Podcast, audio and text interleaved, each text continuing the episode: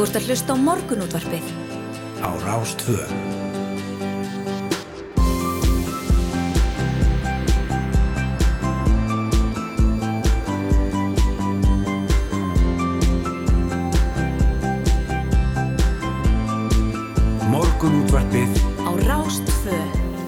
Jú, við tökum hér á stað morgunútvarpinu Snæra Sundardóttir og Yngvar Þór Björnsson með ykkur til klukkan nýju og það er veitarskvöldi þriðu dagurinn 29. mars klukkan áttar tíu mínútur í sjö og þetta er bara allt eins og það á að vera ég. Já, ég held það bara. Hva, hvað segir gott í dag? Ég segi bara gott í dag, mér líður ágætlega sko vorbóðin ljúfi, vor, vorum svo sem aðeins að tala um í Já. gæra að það væri svona aðeins fara að byrta til en um, ég tók eftir öðru nýju í morgun það voru skokkarar á hverju strái Já, einmitt, einmitt. Ég hef einmitt orðið varfið þetta líka núna síðustu daga. Já, eftir að það Eh, tók og þetta er einmitt bara, þetta er svolítið eins og lóan. algjörlega, þannig að búið að vera bara sko ómögulegt skokkfæri Já. nema bara fyrir þá allra hörðustu Já, já. uh, og núna, en núna eru gödnar auðar og það voru bara fullt af fólki út að skokka í morgunsárið. Já, það er nú fallegt. Já, bara stuðnins hverju þau sko. Já, já, akkurat. Þetta er, þetta er gott þegar fyrir aðeins að vora. Það er nú hérna, nú tiltölulega, e, svona, já, bara ágætið sviður hérna alltaf á Silvesturrótninu. Já. Þegar maður fór fram í morgun og, og hérna, og e, við erum alltaf að horfa hér á, á, e, á veður útsendingu Breska Ríkisútasins þegar við mætum hér til vinnu á mótana e, og þar var nú allavega hérna, meiri vindur og, og, og hérna, svipakalt þannig að við hérna að við erum bara held ég ánað hér Já, í er hljóðverið 2 Þeir kvartar svolítið yfir veðrunu já. Það sé, sé blöytt í Breitlandi. Já, en þetta er mikið gert úr viðfyrirtunum þar Já, emitt. Skemmtilegt sjóasefni svo snemma morguns Kannski er það bara líkilatrið að fylgjast ekkert of mikið með veðurfréttunum og þá er veðrið fínt. Já, einmitt, eða vera alltaf að skoða viðfyrirtur frá öðrum ríkjum þar sem veðrið er enn vera Já, nákvæmlega það. er bara að þetta snýst allt um hugafar. já, það er en við ætlum að ræða margt annað en veðrið, eða ekki? jú, jú, algjörlega. Við ætlum að, uh, við ætlum að tala um osta. Já, einmitt heimsmeistararkeppni Osta fóru fram á dögunum í Wisconsin í Bandaríkjunum og í fyrsta sinn var íslenskur ostur með keppenda þetta er svona veginn eins og osturinn sé sjálfur að keppa það er feikir 24 plus sem er framlutur af kaufélagi skaffeyringa og er hluti af svonundum góð, góðdala ostum Er það svona aldurstakmarka á honum? Þetta fyrir 24 ára eldri. Við þurfum einmitt að spyrja Jón Þór Jósefsson, framlýsistjóri hjá KS og mjölkurfræðing eh, um feiki og ostager hér á landi og, og nákvæmlega hvað fælst í því að, að, að koma osti svona langt í, í heimsmeistarakefni osta. Einmitt. Eh, Þetta er náttúrulega hérna oft verið rætt um, um gæði þeirra íslensku Jú, jú, og, og, og bor- bornir saman við eh, fr- franska og, og svinsneska og, og hvaðina. já, sitt síns hverjum, þetta Já. er svolítið heit umræða oft. En á morgun þá fer fram ráðstefna á vegum Evróska samstagsvettfóksins FASA sem snýst um að ebla færni fagaðala sem sinna þólundum heimilsopildi sem eiga við vímuefnavanda að etja. Þetta er auðvitað ákveðlega viðkvæmur hópur en oftar en ekki hefur fólk og sérstaklega kannski konur með fíknumvanda orðið fyrir ofbeldi á lífs, við lífsleðinni hvort þannig það var áður eða eftir að neysla hófst. Við fáum til okkar tvær fagkonur sem verða í pallborðið á ráðstöfninni. Það er Rögnu Björgu Guðbrandsdóttur sem var verkefnastjóri í Bjarkarlíð og Sofíu Hjördisju Ólafsdóttur en hún er yfir vorteimi Reykjavíkuborgar sem aðstóðar heimilsust fólk með fíknivanda. Það verður forðunlegt að heyra já, bara hver þeirra reynsla er. Við töluðum svolítið um heimilsopildi við hann Sigurði Björg uh, Ríkislauglustjóra í gær. Já, og, og heilmikið um það í fréttum eh, eftir því sem leið á daginn. Já, að mitt, all, í allan gerðag að, því að þetta er auðvitað bara uh, bara glæpur. Ég er ekkert endilega vissum að allir einhvern veginn sko, sko flokki heimilisofbildi sem slíkt, fólk flokkar það sem félagslega vanda eða eitthvað slíkt en þetta er auðvitað bara já, þetta er bara lögbrót og, og hérna, og ríkalegt alveg Já, já, einmitt. En síðan eru það smokkarnir. Eh, Lilja Rannveig Sigurgisdóttir þingmaður framsöndaflokksins hefur lagt til að getnaðarvartin verði ókeipis fyrir einstaklingar sem eru yngre en 25 ára og segir að peningaskortur geti komið í veg fyrir ungt fólk notist líkar varnir. Það verður tölvert rætt um einmitt það að, að, að ungir menn séu ekki að nota smokkana lengur emitt, eh, og hún dregur þarna einhverja línu á milli peningaskorts og, og eh, smokkaleysis jú, jú eh, og við heyrum í henni hér um það eh, svona tími til átta. smokkar ókipis fyrir alla sem ekki með að borða ostin feiki 24 pluss Já, nákvæmlega. en það er ekki ágætt svona eitthvað krítari Jú, ég held að það sé bara mjög gott. Já, en kjartan greindi nýlega frá því að fyrirtækið Eden Mining áformi að vinna 15 miljónir rúmmetra af jarðefni úr litla sandfelli við Trengslavik í Ölfusi sem verður að hluta til nýtt í framkvæmdur á svæðinu og að hluta sem íblöndunarefni í sement. Miða við matsáallin myndi fjallið hverfa á 30 árum og við ætlum að ræða við Eidisi Lindahl Fimboðdóttur forstjóra Náttúrufræðistofnunar Íslands um þessi áform en í umsöknstofnunarinnar kemur fram að skoða þurfi frá ymsum hlýðum þá staðrind að fyrirhuga sig að fjarlæga heilt fjall úr náttúru Íslands og flytja úr landi. Fyrir utan veruleg óafturkraf áhrif á jarðminjar með hátt verndagildi og landslag að vaknaðu upp grundallar spurningar um svona siðferðlega þýðingu þess að ábærandi fjall sé fjarlægt í heilu landi. Já, já. Heilu lægi. Já, já. Úr landi. Úr landi, já, þá, og hvað þá úr landi, einmitt. Þetta er mjög áhugavert og einhvern veginn, ég hafði ekki átt að með því að, að, að ég, ég svona, hérna, hleraði hann í gæru og, og spurði hvort að, að það væri mörg fordæmi fyrir þessu. Já. og þau eru nokkur hér á landi. Að, að sko fjöldsíu hafi bara alfarið verið fjarlæg. Það er ótrúlegt. Það er, ma mann finnst það eiginlega ma mann finnst það bara maður trúði Nei, emitt, emitt og notuði í, í, í blundinar efni í sement Emitt En, Já, hérna, eh, hérna á þessari gangstíð þá erum við að ganga hérna á sandfelli úr Ölbussi og, og Íslandi. Já, einmitt, litla sandfelli sem var í þrengslum en er það nú ekki lengur? Nei, það er hér, þessar göngugöndu í Oslo það er alveg er eitthvað ótrúlega steg Já, þetta er mjög áhugavert En einhvers veginn þarf sandurinn að koma samt. Jú, einmitt, það er einmitt spurning með þessi siðferðilegu áldamál Já En tvívegis á síðustu vikum hafa þyrlur landhelgiskeslunar ekki geta flóið út fyrir 20 sjómunu til að sækja veika eða slasaða sjófærendur. Í nokkra klukkutíma síðasta 50 dag var engin þyrla tiltak og ekki hægt að sína útkalli sem barst og við ætlum að ræða stöðuna á flota landhelgiskessluna við Ásker Erlendsson, upplýsingafulltrú hennar, en sjóminn hafa náttúrulega marg sinnis krafist úrbóta og bent stjórnvöldum á stöðuna. Og hér er lokþáttar, e, þá fær Guðmundur Jóhansson yfir tíðindi úr heim, heimi tækninar eins og alltaf annarkvæmt þriðu dag við glemum honum ekki. Nei, það verður spennandi að heyra hvað hann býður upp á í dag. Já, við höfum svo sem líknin tíma til þess að fara yfir uh, blöðuna þessu sinni. Við höfum búin að blara svo mikið hérna. En hér á fórsvíu fréttabladsins er greintur því að eftirstofnun EFTA hafi búist kvörturinn vegna blóðmöruhalds á Íslandi. Dýravendar samtök telja að blóðtaka úr fylgföllum hrissum brjóti gegn reglum EES Það er semst belgisku dýravendarsamtökin Eurogroup for Animals sem hafa á samt 16 öðrum dýravendunarsamtökum lagt frá kvörtu til EFTA Já, já. Um, forðunlegt af því að, að, því að hérna, já, við hefum fjallað mikið um þetta mál. Já, nákvæmlega. Við erum ekkert að fjalla um, um ástandið í Úkræni í þætti dagsi sem gert það tölvert síðustu daga en uh, það er rætt um uh, stríði í Úkrænum hér á fossiðu morgublassins og grein frá því að úkrænsk og rúsnesk stjórnvöld muni hefja friðar viðræðir að nýju í dag. Þar sem sendirindir þeirra mætast augliti til auglitis í Tyrklandi. En viðræðunar hafa ekki farið fram með þeim hætti svo vikum skiptir. Og um, já, Lótum Selenski fórseti Úkrænu segir að samningamenn sé að kynna sér kröfur rúsa eins og stendur. Og við ætlum að skipta yfir á fréttastofun og fara síðan yfir veður og farið. Þú ert að hlusta á morgunútvarpið.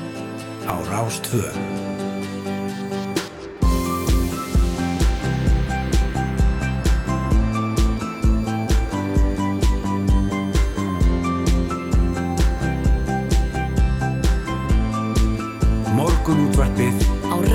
Rástfö Jújú, morgunútvarpið heldur hér áfram og býður góðan dag að nýju e, sjöfrættir að baki og þá er yngvar Þóru Snær og Sindradóttir sem verður hérna með ykkur til klukkan nýju eins og alla virka mótna. Já, virkilega gaman að þessu í dag. Já. Við vorum að tala um það í morgun að það hefur verið svo margir skokkarar úti sem Já. eru auðvitað ástæðan þessast loksins eru götur auðar hér í Reykjavík og Já, þá bara var fólk komið út á á leggingsböksunum tilbúið að hlaupa sér í form fyrir sumarið sko. Já, einmitt, eins og Andri Irkild orðaði það, sólinn sést á í flestum landslutum en ekki hýtabilgjar svo sem ég gangi. Þannig að hérna það er ágætt að hafa það í huga. Eh, við kannski finnum betur yfir, yfir veðrið hér eftir smá. Við finnum stutti við það sem er í þætti dagsins. Við ætlum að ræða eh, velunostinn Feiki 24 Plus eh, við Jón Þór Jósefsson framblöðsustjóri hjá KS og Mjölkurfræðing Við ætlum að ræða já, aðeins áfram heimilisofbildi. Já, við ætlum að tala aðeins um uh, uh, já, fólk sem er með výmöfna vanda og er í ofbildisamböndum við Rögnu Björgu Guðbrandsdóttur sem var verkefnastjóri í Bjarkarlíð og Sofíu Hjördissi Ólafsdóttur sem er yfir vorteimi Reykjavíkuborgar og svo ætlum við að tala um getnavarnir við uh, Þingmann Framsunarflokksins. Jú, jú, hún hefur lagt til að, hún Lilja Rannveig Sigurkistóttir hefur lagt til að getnavarnir verði ókeipis fyrir einstaklingar sem eru yngre en 25 ára. Já peningaskortur getur komið í veg fyrir ungt fólk notist líkar varnir hennar mati. Og eh, já, áhugavert að heyra hennar skoðuna þessum málum. Og síðan eh, á að fjarlæga já, fjalli heilu lægi úr landi. Já, já, hún eitis Líndal Finnbódóttir, forstjóri náttúrufræðistofnunar ætlar að ræða við okkur því að náttúrufræðistofnun svona, já, segir að, að þetta veki upp ýmsar spurningar þegar að verið er að að, að ja, svona, vinna sand úr fjöllum þannig að já, þau hverfir hinnlega á 30 árum. Já, já, þá að vinna jarðefni úr litla sandfelli við þrengslaveg í Ölfusi e, og það gert ráð fyrir því að árið 2000 og, hvað, 50, 2050 þá, þá muni fjallið e, ekki lengur vera á þessum stað. Það er ótrúlegt. Já, og síðan alltaf var það hér í byrjun þáttar um e, já, stöðuna á þyrluflota landhelgiskeslunar en í nokkra klukkutum á 50 dag var engin þyrlatiltæk og ekki hægt að sinna útkalli sem barst. Og sjómun hafa náttúrulega margsinnis krafist úrbúta og bent stjórnvöldum á stöðuna. Einmitt. En í dag ætti að vera skínandi veður í flestum landslutum og sólinn ætti að njóta sín stóran hluta dagsins.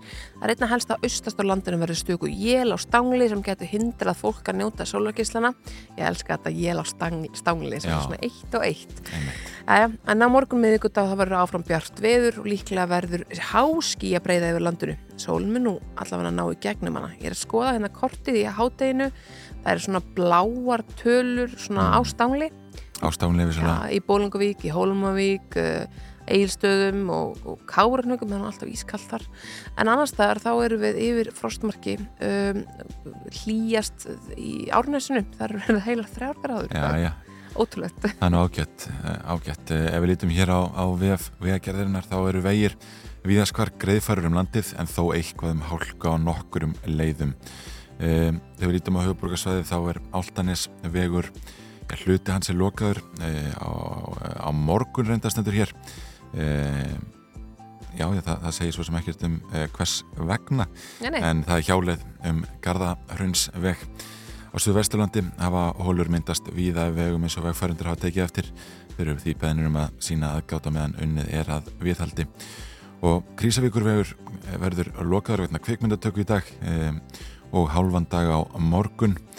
Á Vesturlandi er hálka á nokkrum leiðum það er einmitt sko kannski minnsta sólinn í dag um, svona allavega það, já allavega í hátæginu þá nær sólinn ekki gegn þar. Uh, en þar hafa líka hólur myndast í vegum og vegfærindur beðnir um að sína aðgáta meðan unnið er að viðhaldi. Á vestfjörum er greiðfarta mestu en snjóþekja og skafrenningur á strengusfjörarheiði og hálkublettir á fánum leiðum á Norðurlandi eh, hálkublettir á fjallvegum Á söðu-austurlandi hálkaði hálkublettir á vegum og á söðurlandi þar er flughált við reynisfjall en annars eru vegir greðfærir og þar er sjömanleiðis að vara við hólum sem hafa myndast á vegum. Ég mitt, þetta er bara Gummulsáni, við erum einhvern veginn alltaf að lesa um þessar hólur að gera þarnar og það bara keira fram hérna sko. Já, það, er, það eru hólur og hálka og hálkublettir. Ég, ég hlakka til því þau þurfum ekki að, að lesa þetta hér á vegagerðarinnar. Já, það koma bara blæðingar í, bla, í Malbyggi Já, og... það er alltaf eitthvað sem tekur við. Alltaf eitthvað. Það er en ekki að fá fyrsta lagdagsins Þetta er lagið Freyður með hljómsettinni Sóldögg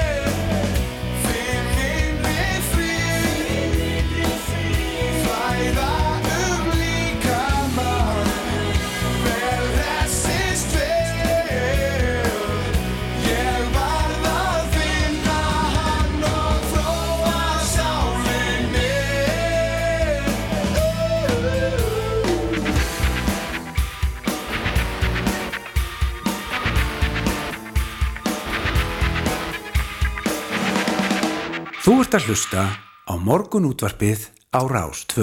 Já, yngvar, það var þetta mál, málana í gær, uh, þessi löðrungur sem að Will Smith uh, sló honum Chris Rock á sviðinu á Óskarsvæluna háttíðinni í uh, fyrirnótt. Já, já, við rættum þetta náttúrulega tölvört í þætti dagsins og síðan var rættum þetta held ég á öllum kaffestofum landsins Já, og eh, hvernig þetta svona plasti við fólki. fólk var með alls konar skoðanir, Já. sko mörgum fannst þetta bara mjög réttlætanlegu löðrungur sem ég persónulega bara er hjartanlega ósamála. Já, já, einmitt. Og nú er Will Smith eh, byrt yfirlýsingu sem að byrti í svona miðnætti að íslenskum tíma. Þar eh, byður hann já, Chris Rock ásökunar og akademíuna aftur og segir að, að eh, já, ofbeldi sé eitrað og eiðileggjandi í öllum sínum byrtingamöndum. Einmitt. En nota bene, hann bað hann ekki afsökunar í ræðinu Nei, sinni, nei, hann bað akademínu afsökunar þar en alls ekki Chris Rock, sko, og sagði að þegar maður væri á toppnum þá kemur djúvillinu eftir manni og eitthvað svona. Já, já, Og, hann byrst afsökunar raun og veru þegar akademían, þess að búið er að spyrjast út að hann geti mögulega, sko, mist velunin. Já, já, einmitt, einmitt. Og hann svo sem segir það líka í, í fæslunni frá því í nótta að, að honum hafi þótt brandari eh, Chris Rock óviðegandi og, og, og hérna og, og hann hafi ekki, ekki höndlað þennan brandara. Nei, einmitt, en sko, ég, varst, ég sá ákveðs punkt á netinu gær þar sem að, að fólk var að segja að þetta hefði verið svo einbeitt aðgerð þar sem að Mm. lappar í róliheitunum upp að hann og slæran að það sé svona mjög augljóst að þetta sé ekki fyrsta skipti sem að Will Smith beiti ofbeldi í raun og veru þetta sé ekki þetta sé ekki eitthvað sem maður gerir sko, einmitt, þetta var, það, þetta var mjög fumlust ef að svo má orðið komast mm, um, þannig að það er spurning hvort að, að fleiri sambarlegar sögur komið til með að, hérna, berast, það er oft þannig þegar Já. að mann gerast segir um eitthvað að þá kemur ljós að, að þeir eru jafnvel síbrótamenn að einhver leiti Það er eh, hva- hvað séru? Nei, ég bara, ég ætla bara að segja það að, hérna, að þeir mættu ekki eftirparti eftir þetta og, og svo framvegs Já, já, einmitt. Það er áverð hérna að Rolling Stone um, rætti við meðlimi bandarísku kvikmynda akademíunar um, og þeir kom ekki fram undir nafni. Mm. en þeir, um, ég eru sæðir æfir vegna uppákomunar um, og, um, og þeir taka allan vafa af því að þetta var, þetta var ekki æft atrið og, og þeir segja sömulegis að, að sko, allar þessar ræður eru marg æfðar oftast. En brandarinn hafi heldur ekki verið hluti af æfingunum fyrir hátíðana sem hafi farið fram nokkrum dögum áður.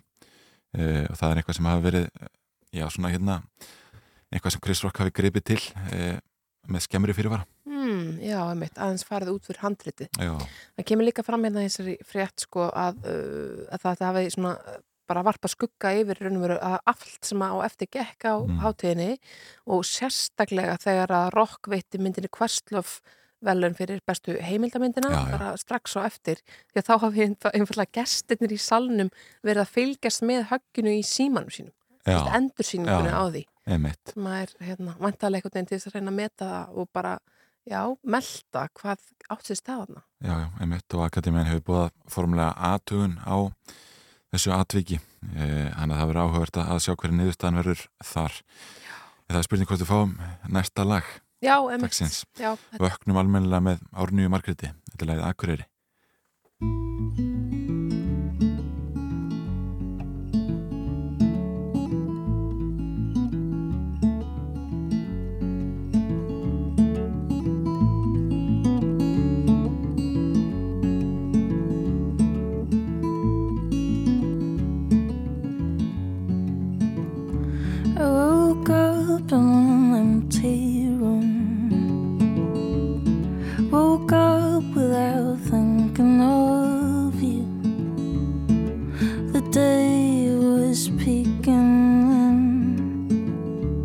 I sat up and held my chin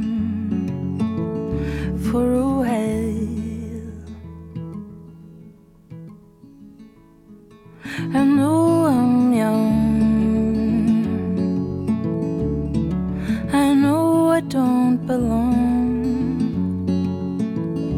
You don't have to be nice.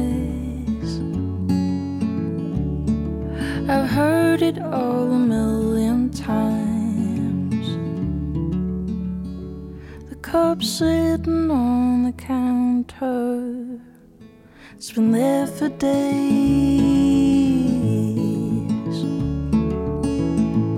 Oh, I guess I'll be here for days and days.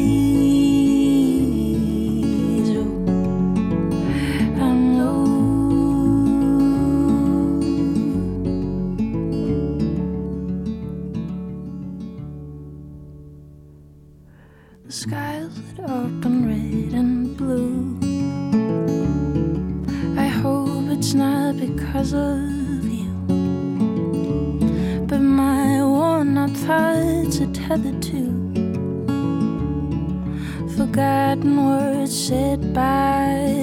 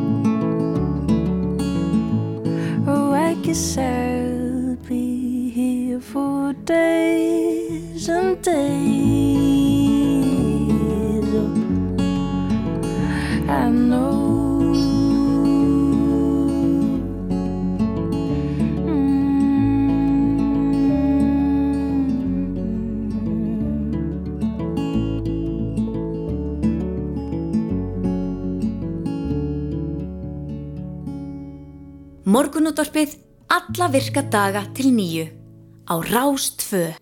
Jú, jú, þetta er notalegt snærós á, á þriðutarsmótni Jú, jú, Akureyri. Já, já, en við ætlum að ræða hér þyrluflota landhelgiskeslunar en tvíveðis á síðustu vikum hafa þyrlur landhelgiskeslunar ekki geta flóið út fyrir 20 sjómílur, sjómílur til að sækja veika eða slasaða sjófarendur og í nokkra klukkutíma síðasta 50 var engin þyrlatiltæk og ekki hægt að sinna útkalli sem barst. Og Ásker Ellensson, upplýsingafulltrúi landhelgiskeslunar er komin ykkar til okkar, góðan daginn. Góðan daginn. Þetta er vantilega, já, og, sko, enga veginn eh, æskileg staða. Uh, nei, en kannski ef við förum kannski bara, spólum aðeins tilbaka og förum kannski bara í hvernig, hvernig staðan er í, í eh, raun og veru, að þá undanförnum árum að þá hafi verið stígin stór skref í átt að því að bæta yfir þessa björgunar getu landhelgiskeslunar og bara tökum dæmum það að eh, á undanförnum þremur árum þá hefur þyrllur flótanum sjálfum verið skipt út fyrir uh, nýlegar og mjög öflugar björgunarþyrllur af, af gerðinni Superpuma H225 og síðan á síðast ári að þá var þyrlu uh, áhöfnunum okkar fjölgað úr 5 í 6 og Já. með því að fjölga þeim úr 5 í 6 að þá stórjókst þessi björgunagét okkar á hafinu. En förum bara að síða hvernig þetta virkar. Að þá uh, er kerfið þannig að þá ertu með þrjár uh, björgunaþyrlur og þá er það hugsað þannig að þá ertu með eina í langtíma viðhaldi og alla jafna ertu þá með þá tvær sem þú getur þá uh, verið með til taks allt áriðum kring. Og, og síðan er það þá hugsað þannig að þú getur þá verið með þessa já, þyrlu og þyrlu áhöfn farið út í 200 sjómílur eða 235 sjómílur, bjargað þar heilli skipsáhöfn, Mm. flóið aftur tilbaka og, uh, og komið þeirri skipsáhöfn í land. Mhm. En ef ég útskýri þetta aðeins með þessar 20 sjómílur, að þá eru það í raun og veru verklagsreglur sem að, að hafa verið settar sem, sem virka þannig að þú þarft að hafa bæði tvær þyrlur og tvær þyrlu áhafnir til þess að fara með eina þyrlu út fyrir 20 sjómílur. Og það er og veru bara að hugsa þannig að eh, þú getur þá brugðist við ef eitthvað kemur fyrir þá þessa þyrlu Mm. sem þú sendir þá djúft út í haf. Það er að segja ef hún þarf að lenda í hafi eða eitthvað annað kemur upp á að þá sertu með þyrlu til takk sem getur þá bjarga þeirri áhöfn. Já, En er þetta ekki bara á stír, stífar verklags, verklagsreglur? Ég meina, ef það þarf að bjarga fólki og lítur það að ganga fyrir því að, að vera að fylgja einhverjum prótokólum um að einhver þyrla getur mögulega kannski bjargað hinni ef hún lendir í vanda. Já, þetta eru auðvitað bara reglur sem hafa verið settar öryggisins vegna og, og auðvitað er það metið hverju sinni. Það geta komið upp aðstæður þar sem að, að eh, það er bara metið sem svo og, þá er mögulega áhöfnin samþygg því að, að fara þá út fyrir 20 sjómilur en þetta eru reglur sem eru settar raun og veru uh, vegna þess að, að þarna skiptir öryggi máli oft ertu með uh, já, ertu að senda þyrlu og áhöfnina, fimmana áhöfn út í allskynnsveðrum og, og þá er þetta og, og þetta hefur við haft í, í fjöldamörg ár, það er að segja þessi þessi regla, það er að segja að þú sért þá með björguna tæki til þess að, að geta þá bjargað ef eitthvað kemur upp á. En, en því er þetta sjómenn, íslenski sjómenn sem eru fyrir utan 20 sjómenninar, þeir vita bara, mm, það er kannski helmingslíkur að að gæslan geti komið og bjargað okkur ef eitthvað kemur upp. Sko það er búið að fara yfir og reikna út akkurat þessa stöðu, bara miðaði það að hafa þrjár þyrlur Mhm. og sex áhafnir og það þýðir það að með þessu kerfi að þá uh, er það svona í kringum 65% ársins það sem út með þá tvær taks og þá tvær áhafnir. En síðan er það svo að við hjá landhæliskesslinu höfum búið svo vel að geta þá kallað inn ef að staða kemur upp að þú sér þá bara með já, eina þyrlu áhöfn en tvær þyrlur til taks að þá höfum við búið svo vel að hafa geta kallað inn uh, fólk af frívakt til þess að, að, að uh, já, hlaupindi baka og, og þar erum við auðvitað mjög heppin með algjörlega einstakt og frábært starfsfólk sem hefur verið tilbúið í þetta. En það eru auðvitað bara eins og gefur að skilja á öllum vinnustöðum ekki hægt uh, í hvert einasta skipti eða, og ekki hægt að treysta á það sem slíkt. Já. en sem betur fer í mörgum útköllum þegar þessi stað akkur hefur komið upp hefur það verið möguleik Mhm. Það er náttúrulega reglulega verið rætt um, um svona uh, flota landhelgiskeslunar Mhm. og, og þyrlunar uh, og það eru svo að verðast vera svo oft bilaðir að þurfa viðhald. Hvers vegna er það? Sko, ef maður rínir bara í tölurnar að uh, þá er það bara alls ekki svo. Það auðvitað getur svo stað að koma upp og eins og var tekið dæmi í fréttónum núna um helgina að þá, þá gerðist það á fimmtudaginn síðasta að í tvo klukkutíma var engin þyrla til taks. Og það eru auðvitað staða sem að, að engin vill vera í og, en hún er afar sjálfgef af því eins og ég segi eh, sko, stærsta hluta ársins erum við með tvær þyrlur og sérstaklega núna eftir að þessar nýju þyrlur eru núna að komast í gagnið og svo innleiðingi raun og veru að, að svona klárast. Þannig að, að, já, en það er eins og ég segi afar sjálfgeft að svo stað að koma upp að þú sett með enga þyrlu til taks og meiri sem hafa menn tekið saman bara tölfræðira bara viðhaldinu af þessum þyrlum sem voru fyrir og, og þyrlunum sem eru núna að uh, þá hefum við sagt að, að á móti hverjum flútíma á gamlu þyrlunum að þá þurfti sjö viðhaldstíma en, en eh, á þessum þyrlum þurfum við sex. Þannig að viðhaldið á þessum þyrlum er minna. Mm. Þannig í raun og veru viðhaldi sem slíkdómar horfur á þetta ára þá, þá hefur þyrlu staðan sem slík uh, verið bara nokkuð, nokkuð góð. Mm. Já, já, einmitt. Og viðbragstími þá, þá betri en, en verið hefur. Já, og og það er kannski eitthvað sem þarf kannski að skoða í lók þess ás, eins og ég segi sko, þá er, er þetta í raun og veru fyrsta árið 2022 þar sem við erum með þessar nýju þyrlur og sex áhafnir og þá getur maður svolítið séð það eftir árið 2022 hvernig viðbrasketan er, en auðvitað vilja allir aukana enn frekar og það hefur verið stöðugt samtala milli landhelgiskeslunar og dómsmálaráðuneyti sem svo það er fullur vilji skinnju við til þess að, bæta enn frekar í að því að bara á síðustu árum að þá, þá eins og bara flestir hafa átt að sjá er búið að já, auka viðbrastgetuna hafi tölur bæði með komu freyju og síðan þessari sjöttu þyrlu áhöfnu þessum nýju þyrlum og við finnum fyrir miklum velvilja að það, sé, að það séu allir bóðnir og búnir einmitt að stíga enn fleiri skref en það er samt bara þannig að við þessi fámenna þjóð sem byrjum ábyrða þessu gríðarlega stóra hafsvæði Einmitt. að það er, þetta er dýrrekstur og, og það er ekki hægt að taka öll skrefin í einu Mm. það þarf að gera þetta með í raun og orð þetta eh, smáum skrefum og, og við erum full bjarsinni að það sé hægt að, að stíga enn fleiri skref og auka viðbrasketuna enn frekar. Nákvæmlega, þetta er góð og loka orð Ásker Erlensson, upplýsingafulltrúi landhelgiskeslunar. Takk fyrir að vakna með okkur í morgunúðarspunu. Takk.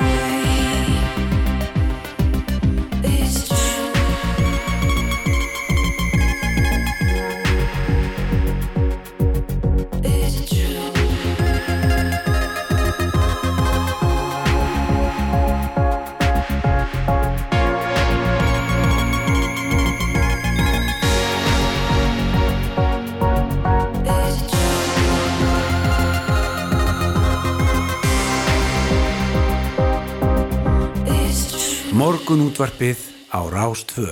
Jú, jú, áframhaldum við hér í morgun útvarpinu. Fjölmiðlinn Kjartin greindi nýlega frá því að fyrirtækið Eden Mining áformið að vinna 15 miljónir rúmmetra af jarðefni og litla sandfelli við þrengslavegi í Ölfusi sem verður að hluta til nýtt í framkamdra svæðinu og að hluta sem íblöndunarefni í sement.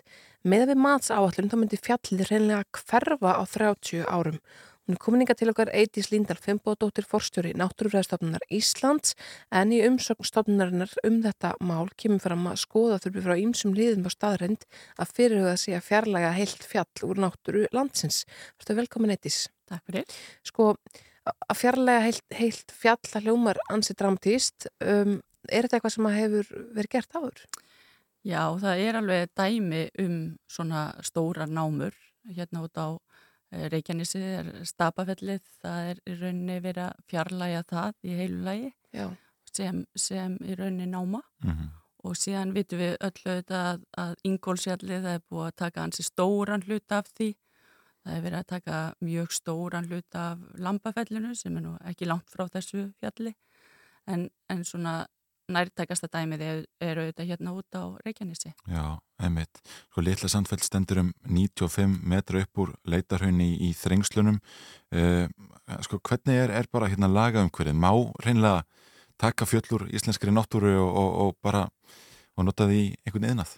Já, þetta er náttúrulega bara mjög góð spurning að því að, að um það kannski snýst þetta mál. Ef þú átt land, máttu þá bara taka fjallið sem er þar og bara byrja að selja það úr landi Mhm. uh, eða þurfa í rauninni til þess að vera eitthvað skiplag og, og svona hver er réttur okkar til þess að grípa svona stórtækt inn í náttúruna. Það eru auðvitað námur um allt land og auðvitað þurfum við námur en okkar kannski svona ábending var um svona þe- þetta, þetta inngrip á engalandi þarna og, og hvort að það sé ekki eðlilegt að taka þessa umræðu. Mm. Já. Og um hver var í besta vettfangurinn til þess að taka þessu umröðu? Er það alþingi eða hvernig, þetta, þetta, er, ekki- þetta er ekki bara sko pólitísk umræða, þetta er náttúrulega bara mjög stór heimsbyggili umræða. Akkurat, þetta er heimsbyggi kannski og, og, og þetta í, í kjarnanum þá kemur fram að, að þetta sé kannski svona tilfinningalegs eðlis frá, frá þeim sem að ætla að fara í þessa námu að, að, að e, kannski skipti þetta fjall ekki svo miklu máli Mm að fólk get ekki bent á það á, á korti og þá, þá Mhm. kannski sé það ekki svo mikil svirði Já, Ég meina við mörg okkar vissum ekki hvar Úgræna er en hún skiptur okkur samt mikil svirði Já, og við getum ekki bent á það á korti. En ég held að í, í, það sem að skipta kannski máli hérna er að, að e, eiga samtalið, mhm, e, auðvitað alþingi og, og á endanum getur vel verið að það verði ákveðið að fara í þessa námu og að þetta fjall verði fjarlægt. En, en að það sé ekki gert bara svona, svona ófövaran einmitt. en, þú talar um það að eh, ef við getum kannski ekki bent á þetta, þetta e, fjall svona á leið okkur um, um þrengslin. En þið bendið í eitthvað umsögn á það að sko, það eru þrjú svæði þarna á náttúruminni skrá sem er, eru við fjallið Já, akkurat. Það eru nefnilega þrjú svæði sem eru mjög nálægt sem eru, eru á náttúruminniskrá. Það er hérna Eldborg undir Mittlum, það er Eldborg við Lambafell og svo er þetta Rauvarhólsellir og hann er náttúrulega þarna uh, orðin mjög aðgengilegur fyrir, fyrir ferðamenn og, og þar er verið að selja að ganga að honum og búa, búa útbúa mjög hérna, góða aðkomu þar að og kannski skýtur sko eitthvað við að, að þú sérst að bjóða inn í eina náttúruperluna og auglýsa hana sem, sem náttúruperlu en á sama tíma er þetta að grafa aðra náttúruperlu í burtu Mhm. bara við hliðina. Mhm. Þannig að kannski þarf að hugsa þetta aðeins heildrænt er þá ekki svæðið með þessum náttúruminjum sem þarna eru eitthvað svirði. Mm. og, og Móberg sem að er í þessu fjalli er talið henda mjög vel við sementsframleyslu það er sérst verið að búa til sement og þetta er íblöndunarefni. En Móberg er í rauninni fágætt í heiminum. Og þó svo að það sé mjög mikið af því hér á Íslandi að þá ber okkur svolítið aðeins að standa vörðum það. Því að Móberg myndast engungu þar sem er eldvirkni og þar sem að er, er uh, annarkvört ís eða þá neðansjávar. Já, já. Þannig að þessi, þessi bergtegund er hreinlega bara, já, verðmætt út, út af fyrir sig ef hún fara að standa, hún fara að standa óreitt. Já, bergtegundin er meiri sér svona uh, ferðamanna hérna, eða dregur að ferðamenn Já. það er mjög mikið af fólki sem að hefur aldrei séð Móberg og kemur til Íslands til að skoða Móberg en, en eins og við segjum það er vissulega mikið af því en við getum ekki samt bara byrja að móka því burtu um hugsunar löst Já, einmitt. Sko, þetta er náttúrulega eins og við höfum rætt hér eh, að vakna svona margar svona siðferðilega spurningar um, um náttúruna og eh, svör Eden Mining er mjög eh, áhugaverð, þau, þau benda á að og minna á að í áratugi hafi verið fluttinn sement, málmóra og önnur efni frá öðrum löndum sem hafi stundað námugröft og jærðefnavinslu. Þau segja hér, nú komaða okkur að leggja eitthvað að mörgum og með þetta framlega Íslendinga hjálpa til að minka kólefnislosun í heiminum. Við getum ekki ætlast til að aðrar þjóðir séu hvað eftir annað að taka á sig höggið og umhverjuskostnaðin sem að neysla okkar veldur og snúa svo baki við þeim þegar kemur að því að leggja eitthvað til á móti. Eh, Það lítur líka einhvern veginn að, koma upp hvort að, hvort að við séum að ganga á náttúru annara með semisnóðkun okkar og, og hvort að sé þá ekki rétt að fara í námugröft hér, alveg eins. Jú og kannski, ég myndi þessi rök eru alveg í rauninu gild inn í alla umræðu en, en það er ekki samt þannig að, að þetta séu einhvern veginn bara einu rökin og við bara já, ok. Því að þegar við erum að tala um kólumnislósun þá er náttúrulega, þetta hefur áhrif á kólumnislósun við framlýsluna en, en það kostar líka að grafa heilt fjall. Það kostar kólumni við að flytja það, það kostar kólumni við að vinna það og við þurfum kannski að svona skoða þá okkar hluti í því. Mm -hmm. Vissulega væri kannski bara best að það væri en þá sementisframleysla á, á Íslandi og verður bara að framlega þá sementið hér og, og væri þá kannski að flytja, ekki að flytja efnið svona langt sko. En, en þetta er alveg, þetta er alveg sjóna með inn í umræðina. En það, þetta er samt ekki bara rökin sem að leifa það að við bara ok, þá bara skulum við leifa Nei. þetta. Nei. En, en ef, að við, ef ég ætti helgafell við Stikisólm og, og það er bara fínasta höfn þar, ef við bara þú veist, að byrja að móka því í burtu. Hvað með surtsei, það er rosa fínt hérna Móbergi surtsei. Ég var bara að segja já, heru, hún er bara ný og engi veit hvað hún er. Mhm. Auðvitað, auðvitað hefur hafa svæði mismunandi verndargildi og það er kannski það sem við bendum á að við þurfum kannski bara að stíga varlega til jæftar. Já, já, einmitt, einmitt. Og, og hvernig, sko, hve- hvernig umgjör þarf, eh, já, þurfa stjórnvölda að, að búa til til að, að, að það veri gert? Núna þetta mál akkurat, það hefur verið ákveðið að það fari í rauninni umhverfismat og það þýðir þá að það verður aflað betri upplýsinga og meiri Mhm. um bæði aðstæðunar þarna, áhrifin sem að þetta kann að hafa því að, að það eru þetta áhrif þegar þú byrjar að róta til fjalli, það hefur áhrif á nærlegjandi gróður, það er ekki þannig að, að þetta sé bara svæðið í kringu fjalli, það er svæði í kring sem að myndast við svona námur. Þannig að, nú fyrir þetta í umhverfismat og síðan á grundvelli þess þá þarf að taka ákvarðanir og, og það er raunin ekki okkar hjá náttúrfæðastofnuna að gera það en okkar hlutverk er að benda á uh, og vera kannski talsmaður íslenskara náttúru. Já, nákvæmlega.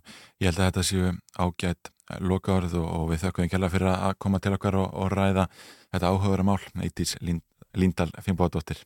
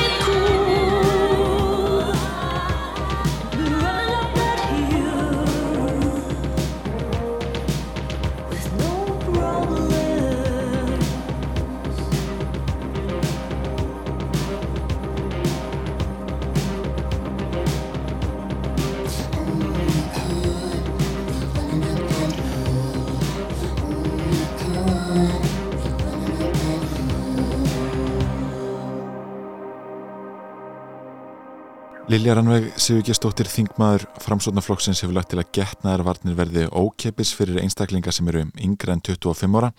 Peningaskortur getur komið í veg fyrir að ungt fólk noti slíkar varnir og Lilja er komin á línuna, góðan daginn. Já, góðan daginn. Hvað verður til þess að þú leggur fram þessa tilvöðu? Sko, ég hef haft þessa hugmynd lengi. Mér datt þetta fyrst í hug þegar ég fylgist með einu fundin hjá þrýeginu. Það sem var að tala um að það væri til dæmis klamitíu faraður í gangi þá, trátt fyrir að tveggjametarreglan væri í gangi. Um, síðan fór ég að sjá fréttur um það að það væri verið að gera þetta í öðrum löndum eins og Fraklandi og Belgíu. Í Fraklandi eru getnaðvarnir fríar fyrir yngre en 25 ára. já, Þannig ég ákvað að koma með þessa þingsalbundilugu um að alþingi álíkti að fela heilbriðisafra að gera getnaðvarnir aðgengilegar einstaklingum sem eru yngre en 25 ára. Þeim að kostnæðalus. Og það er líkilega að að hafa þetta kostnæðalust. já, þetta er alltaf talsverður kostnæður fyrir ríkið að, að ráðast í þetta. Já, ég veit ekki hver talan er á bakvið það en ég, ég hérna, beðið um að það sé reiknað út. En þingflokkurinn tók nú samt mjög vel ít og þingflokkurinn hjá framsókn og það hafi verið mjög áhugaverður umræðir í kringum þetta hjá okkur. Þá sérstaklega í kringum 25 ára aldri. Já, ég, einmitt, sko, okkur leikur aðeins hugur á að vita af hverju, af hverju það er línan sem þú dreigur af því að maður hefði nú haldið að 25 ára rífullur fólk geti síðan að kaupa smokkana sinna sjálft, er það ekki? Já, hérna, ég er náttúrulega sjálf á því venilega að það ættu ekki að vera negin aldurstakmörk eftir 18 ára en eftir að hafa tekið mjög miklu umræður um þetta og skoðað mjög vel þá tókum við eftir því að það er mjög mikill munur á tilvikum hérna klamitíu Mm. fyrir og eftir 25 ára. Mm Þannig að þó að þetta komist þá kannski ekki í gegn, þá er það allan að búin að vekja aðtekli fólks á þessu að hérna, þetta er aldurshópurinn sem er lendi bestu vandræðum út af þessu. En er það ekki bara því að eftir 25 er fólk kannski bara svona verða ráðsett og koma upp heimil og börnum og sofa hjá svona já, í mestalagi einum til tveimur svona já, í sinni dælega lífi? Jú, líklega, en er þetta bara að nota smorkin þegar það verður leika sér. Já. Já, einmitt. En, en sko, hafa náttúrulega verið fréttir um það að e, sífælt færri síðan nota smokkinu mitt. Er ekki aðrar ástæða fyrir því en, en fjáraslegar? Sko, þannig að geti líka verið að mörgum þykir það kannski bara ekki töff. Eins og ég held að sé svolítið hérna, stórt hjá yngra fólki sérstaklega, yngst aldursóknum. Það er mjög erfitt fyrir mig að koma til móts við það, að gera hann meira töff. Aftur á móti ef að fjárraks ástæður eru, hérna, er vandamálið, ég get reynd að koma til móts við það á mínu vettvangi. Og hvernig sér það fyrir að dreifingin á, á þessum getnaðavörnum yrði ef að af þessu yrði? Hvar væri þetta nálgast þessa fríi smokka? Sko eins og ég hef uh, rætt þetta hjá mínu fólki þá er þetta þannig að hérna, það eru er einu öll sömu takmörk, sérstaklega á getnavarnar, nei á hormona hérna, lifjunum, að það er bara þannig að þú verður að fara til, til lagnis og annað til þess að fá þetta í gegn, en það er þá bara einu hlutin er það þegar þú ert að fá þetta yfir borðið í apotekinu, þá þarf þetta ekki að greiða fyrir það. Og þá er það þannig með smokkin og það er þau, hérna, þú þyrftir að fara í gegnum apotek eða annað uh, og það er þau eitthvað þannig fyrirkomulag og það er þau eitthvað takmörk, þú gætir ekki fengið 200 á einu bretti. En það er þá bara heilbriðs á þeirra að útfæra það. Já hver, hversu marga smokkar þetta fá hverju sinni? Já, hann má vissast ekki ákveða þá til. Já, einmitt. Það einmitt. það verður áhugavert að sjá hverju er það væri því. ríkisvaldi sem er að mynda það hversu svona eðlilegt er að stunda kynlíf ofta á einhverju ákveðlu tímabili eða hvað? Já, Svona kvóti. Já það verður eitthvað skemmtileg umræða þar inn það út. Já, en, þú segir að sér búin að ræða þetta við uh, aðra þingmenn framsöndaflokksins hefur þið fengið hérna einhvern stuðning innan ræða annara flokka? Ég hef bara ekki rætt þetta þar. Ég hérna, uh, skellti þessu bara út síðast að daginn núna í síðustu viku. Og hérna gekk reyndar alveg mörg hrós frá öðrum flokkum. Jú, en hérna var svolítið á hlaupum og náði ekkert að spjalla nýtt mikið við fólk um þetta. Nei. en ég hef verið að fá ímis konar skilabóð eftir uh, bæði ræðið mína og eftir ég setti málið fram. Já, og í 95% tilvika er þetta mjög jákvæð og fólk er spennt fyrir þessu og þykir þetta áhuga Emitt. Já, bestamál. já, þetta er áhugavert. Lilja Rannveig Sigurgestóttir, þingmaður framsöndaflokksins þakka fyrir að, að ræða þetta við okkur hérna í morgunúttarpinu Já, takk sem er liðið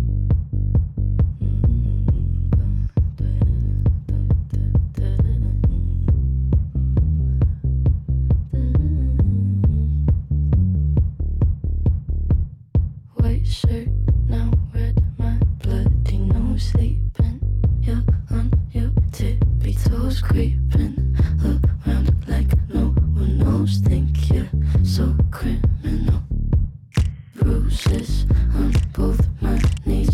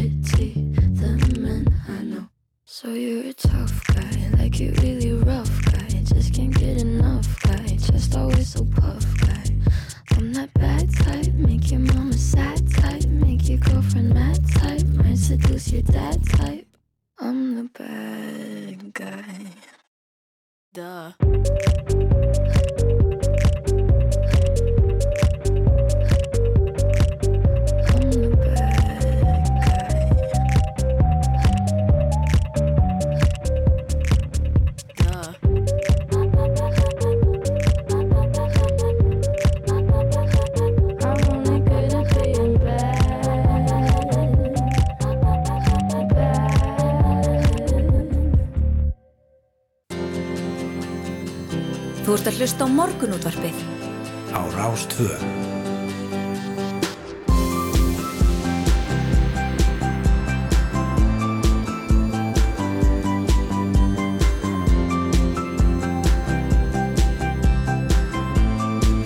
Morgunútvarpið á Rástvö. Jú, jú, áttafréttir að bækja á morgun útvarpið á Rástvöum heldur hér áfram Ingvar Þór og Snæru Sindradóttir með ykkur til klukkan nýju. Við erum búin að fara víða í morgun, vorum að ræða við Lilju Rannvögu Sigurgestóttur, þingmann framsóknarflokksins um getnaðarvarnir og, og eh, já, verðið á þeim og hvort það er eftir að verða ókeipis.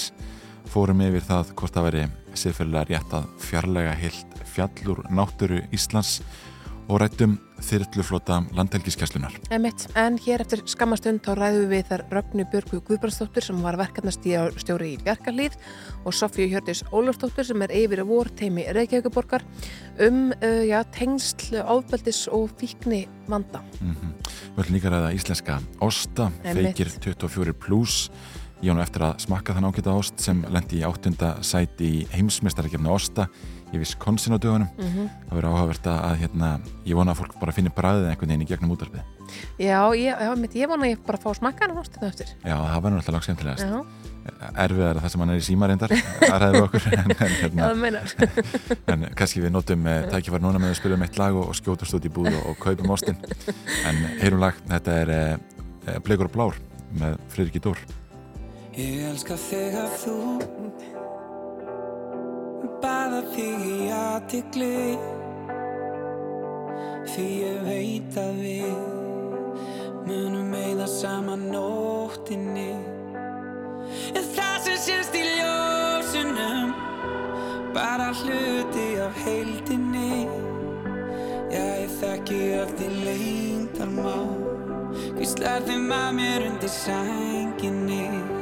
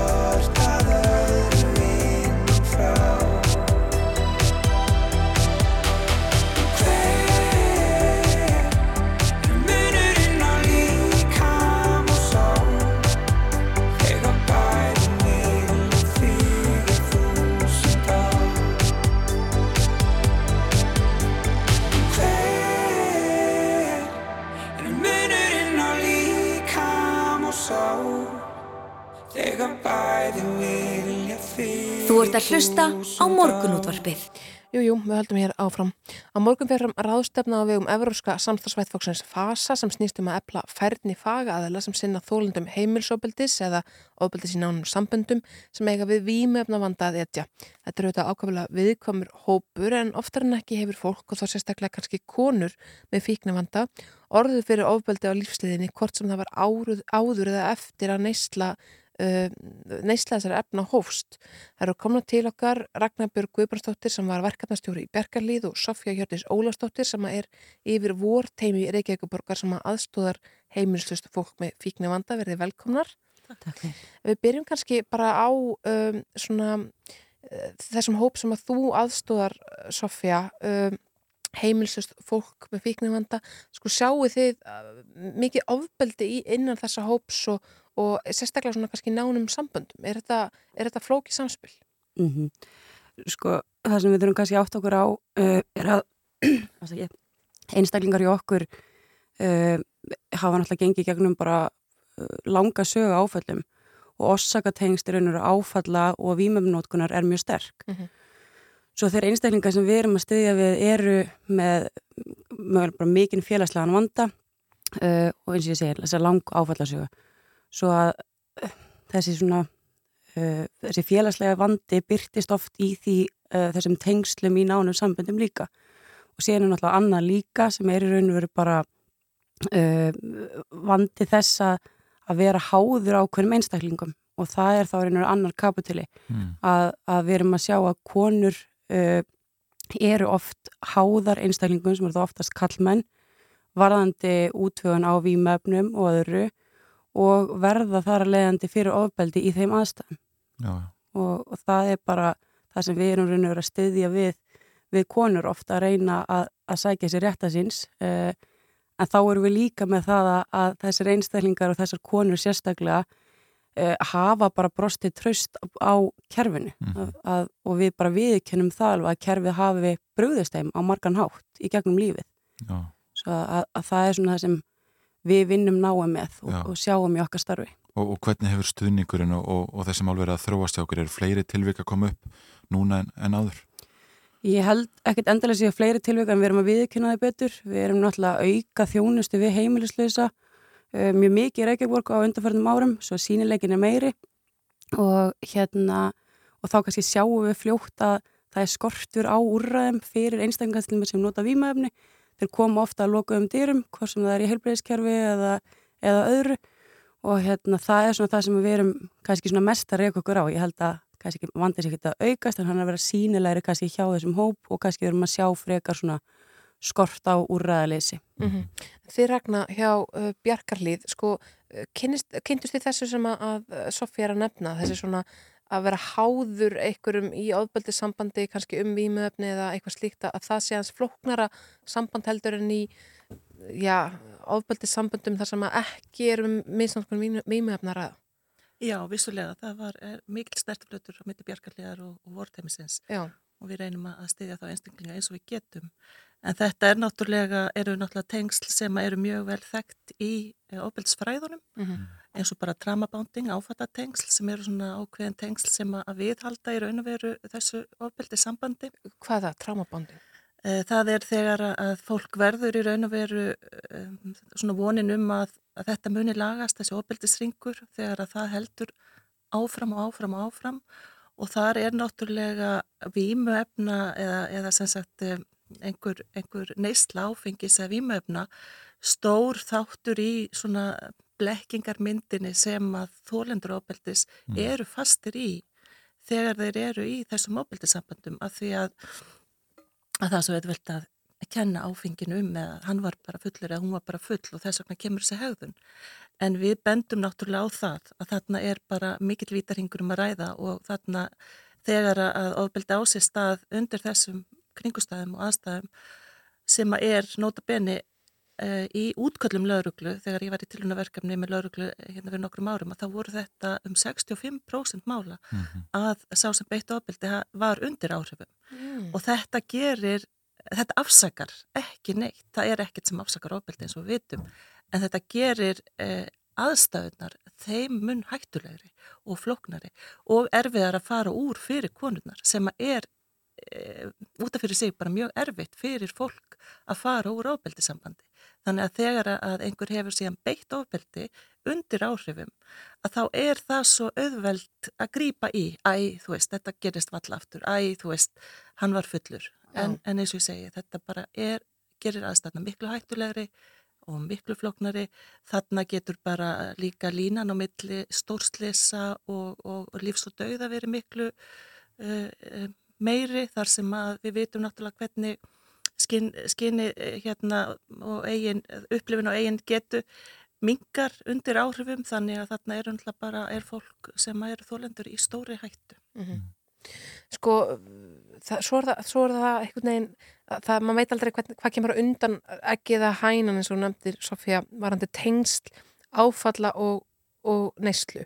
Um, þinn hópur, er þetta fólk sem var jafnvel beitt ofbeldi sko mikið í æsku sem að leið svo út í viknummenneyslu og, og hvernig er hægt að hjálpa þessu fólki einhvern veginn bara inn í, inn í kerfinu og, og, og, hvernig að byggja upp sjálfsmynd og allt þetta sem að, þarf til þess að kannski svona taka stóru skrefið og koma sér úr vandarum. Mm Sko allan bara rannsóknir sín okkur að, að hérna, það eru aukna líkur á því að, að einstaklingar hafa orði fyrir ofbeldi til dæmis í úræsku Mhm. og hérna ég hef aldrei hitt þann einstakling sem er heimilislaug sem er bara með tóman áfallabakpoka. Það er bara, hefur ekki gerst og ég býst ekki við að það gerist. Mhm. svo hérna, veist, bara eiginlega voru konur sem stigu fram sem voru heimilislausar sem að, að lístu aðstæðum sínum og það lístu þessu svo vel. Þess að þú, þú hérna þú mjúklendir ekkert á götunni, þú bara brotlendir og, og hérna þú bara slammar þar og það er bara mjög rétt að hérna það ætla sér enginn að vera þarna uh, en hérna uh, það er samt svona sem aður veist, það er oft flókið að mæta þjónustuþörfum þessara notenda en það er alls ekkit ógjörningur en það þarnast mjög mikil samspil margra kerfa. Og það er svona það sem við, við höfum svona svolítið verið að reyna að vinna með. Við þurfum aðkomi fleiri aðila til þess að það er engin ein stopnun eða eitt sveitafélag eða eitthvað sem getur unni með þessi mál, það þarf að vinna með mjög heilstætt, þannig að fylgir oft líka heilbreyðisvandi og, og hérna og bara fullt af öðrum áskorunum sem að, að við þurfum bara aðstof með Já.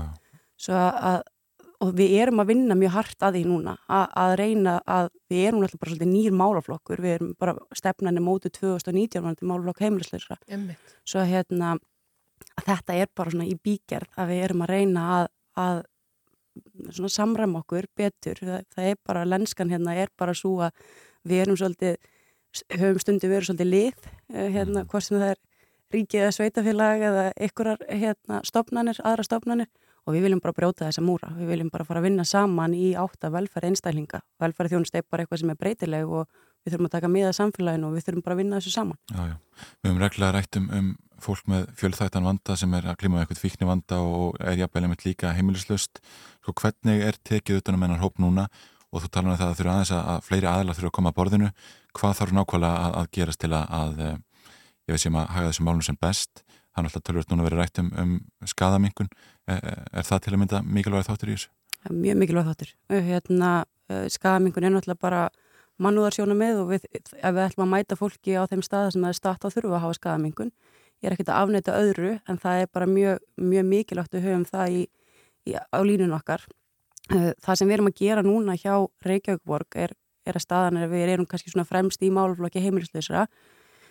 Við erum sérst með vettvánsarráðgjáfatemi sem er vortemi sem sinnir svona vettvánsstarfið til einstaklinga. Síðan erum við náttúrulega með gisti og neðarskili og síðan erum við með er, hérna, Reykur Rótin konukott fyrir, fyrir konur sem eru í neðratkvari uh, og síðan erum við með aðra búsettur sem við erum með, sem við erum í Housing First heitir það, þar sem við erum aðstöða fólk við að koma úr langvarandi heimilisleysi og styðja þau inn í búsettuna uh, og aðra síðan búsettu kjarna mm. og það er bara mjög mikilvægt að við áttum okkur því að fólk þarf, fólk sem hefur búið við heimilisleysi uh, mun búa við einkenni þess áfram mögulega og þar þurfum við að veita stöðning uh, það sem svona þarf að gera og þessi stór efla er í raun og veru bara þetta samstarf myndi ég segja. Og, og hérna og líka svolítið við höfum í raun og veru enga lagaramma um, um hérna réttindageslu heimilislausra eða, eða annað og þess vegna þurfum við svolítið að standa vörðum um réttindið þeirra. Mhm. og hlusta bara á þau, við erum með stórkostlegt starfsfólk hjá okkur en sérfræðingarnir eru notendunum okkar og þeir eru þeir sem geta sagt okkur hvað við eigum að gera og hvað skynsanlegast er að gera. Eh, Sko Ragna, eh, kannski bara í lokin, um, hvað hérna, sko að þessi ráðstöfna hún snýst svolítið um það að hérna ebla færni fagaðala sem sinna þólandum ábeldis í nánum samböndum sem eiga við výmjöfnavanda etja, sko hvað þarf að gera þar? Já, Hvernig, hvernig er að ebla sko þekkinguna og allt það? Akkurat.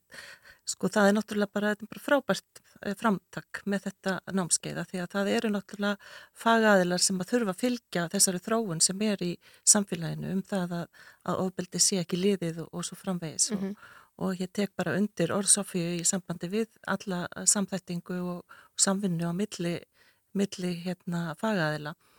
Eh, Það, ef, ég, ef ég bara til að koma því að þá hérna, eru 80% þeirra sem leita til bjargarlegar þeirra, þeirra hóp að hann hefur reynslu af uh, endurtekna ofbeldi. Þannig oft byrjar það í, í æsku eða, eða eitthvað. Og þá er náttúrulega oft fyrsta skrefið að deyfa með uh, afleðingin, að deyfa með eitulífu með áfengi. Þannig að þarna er oft eins og segið það þarf að vera áfalla meðuð vinna með þessa einstaklinga hvar sem þeir koma inn í kerfið eða leita til heilsugjæslunar, eh, bráðumótökunar eh, eða getildar eða, eða S.A.A. hvar sem að fólk leitar fyrst að þá þarf að mæta þeim með þessar áfalla meðuð nálgun og það er kannski þanga sem fagfólk þarf líka að komast að það er, það þarf að taka og tala um og vinna úr þessum áföllum. Þannig að- þeim mun fleiri staðir sem er að vinna til dæmis með uh, fólk í, í fíknuvanda að þeir þurfa náttúrulega að, og ég veit allir staðir eru að gera þetta og, og eru að bæta sig eins og, og sálfræði deild S.A.A. og svo framvegis.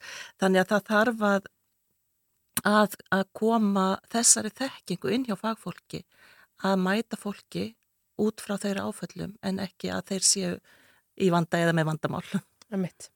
Sofja Hjörtis Ólafsdóttir sem er yfir vorteimi Reykjavíkuborgar og Ragnar Björg Guðbjörnsdóttir sem var verkefnstjóri í Bjarkarlið. Takk kærlega fyrir eh, komuna í morgunútvarpið. Við ætlum að ræða íslenska osta hér eftir skammastund og ekki að ástæðu lausum feikir 24 pluss var í áttundasæti og heimsmeistaramóti osta í Wisconsin. Já, já, Stóð sig einmitt. príðilega vel. Ásturinn stóð sér príðilega vel og síðan ætla að ræða eh, heimtækninar með Guðmundi Jóhansinni hér í lokþáttar en fá mitt lag og skiptu síðan yfir á fréttastofuna.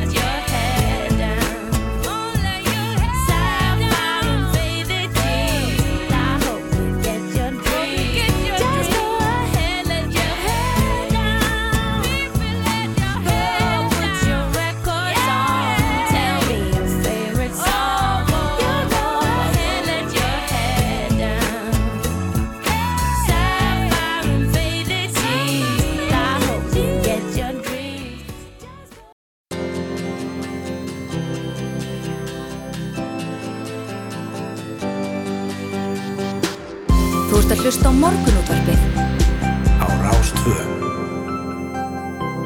Jú, morgunúttarpið heldur hér áfram og við ætlum að ræða Osta næst en heimsmeistarakefni Osta fór fram á dögunum í Wisconsin í Bandaríkjunum og í fyrsta sinn var íslenskur Ostur meðal keppenda feikir 24 plus sem framleitir er af kaupfélagi skagfyrringa og er hluti af svonendum góðdala Ostum. Osturlendi í áttundasæti í sínum flokki sem þykir stórgóður árangur og Jón Þór Jósefsson framlustustjóri hjá KS og mjölkurfræðingur er komin á línuna, góðan daginn. Já, góðan daginn. Þú lítir að vera hæst ánæður með þennan árangur. Já, já, þetta var, kom sannlega óvart. Ekki það, svo sem við gerum ákveðna væntingar, við vorum búin að fá svona ákveðin viðbröð frá svona ellendum aðlum sem voru búin að skoða þetta pínu hjá okkur og Mhm. en þetta kom skemmtilega óvart, óvart að segja það. Hvað getur þú sagt okkur um feiki? Heyrðu, feiki, þetta er uh, ostur, reyndar sem við byrjuðum að, hérna framleiða, það er reyndar verða einhver fimm ár síðan, við byrjuðum þessa vegferð. Þetta er langur prósess og, og hérna, þetta er svona ostur sem er í svipuðum stíl og, og margir hollenskir ostar eins og Old Amsterdam og Bimster og Nordholland Gouda og svo framvegis. Þetta eru svona harðir granul, granuleraðir ostar sem við köllum og hafa ekki verið, allavega ekki verið framleitir hérna á Íslandi eh, fram að þessu eða þar til við fórum, fórum í þetta.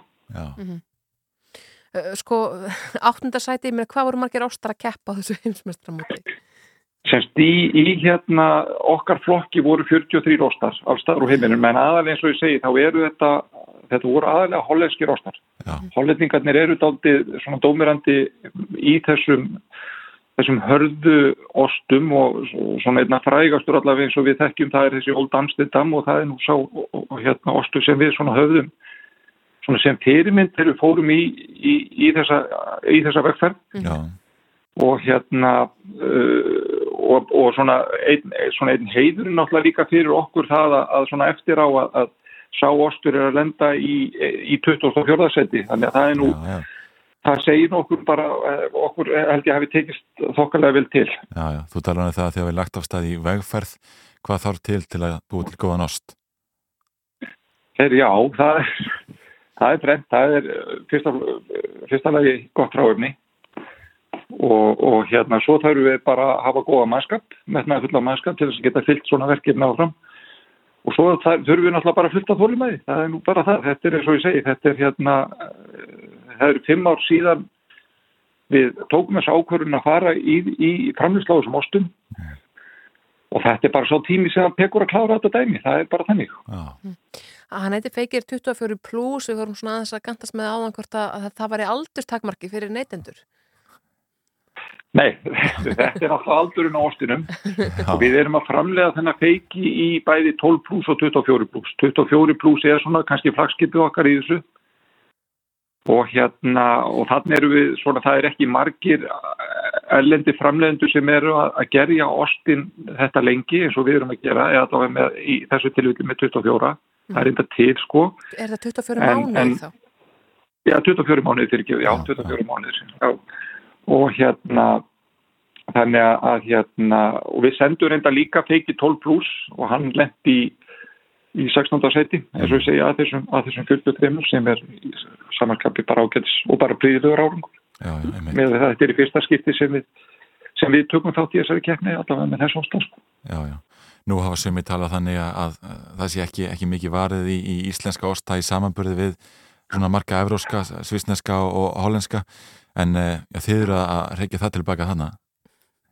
Já, já, við, við höfum heist þetta sko en, en hérna en þetta er sannlega viðurkenning á, á bara á því sem við höfum verið að gera og, og sannlega er það þannig að þessir aðlar eins og þessir hollensku aðlar sem við erum nú í miklu samstarfi við, við, við þróun á þessum osti, þeir eru búin að skoða þetta, við erum búin að senda þessu osta út til þeirra og þeir náttúrulega bara segja að þetta sé bara klassi og þeir þekkja náttúrulega mjög vel til hvernig þetta er þarna úti hjá þeim úti í Hollandi og þannig að þeir eru bara mjög hrifnir sko. sárnar ykkur mjölkufræðingum í bransanum hér heima svona umræðan um íslenska ásta?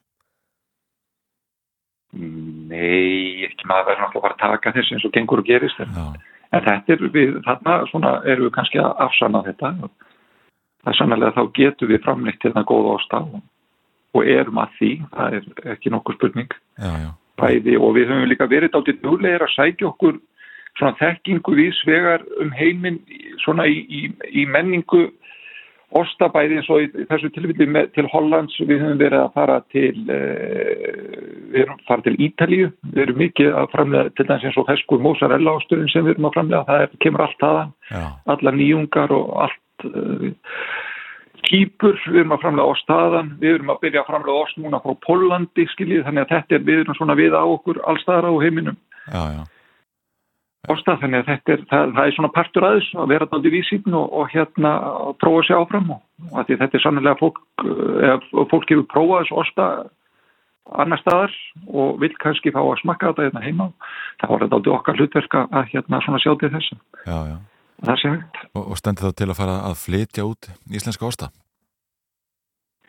Heyrðu, þetta er hérna, ég veit að í, í, í þessu tilvilli með, með góðdalostana og sérstaklega feiki 24 og feiki 12 að það eru svona einhverja þreyfingar í gangi. Þetta er nú svona bara á byrjunar, byrjunar stegum sko. Já, já, einmitt. En hver er svona þinn uppáhaldsostur, Jón Þór? Já, heyrðu, það er það. Það er er spurt.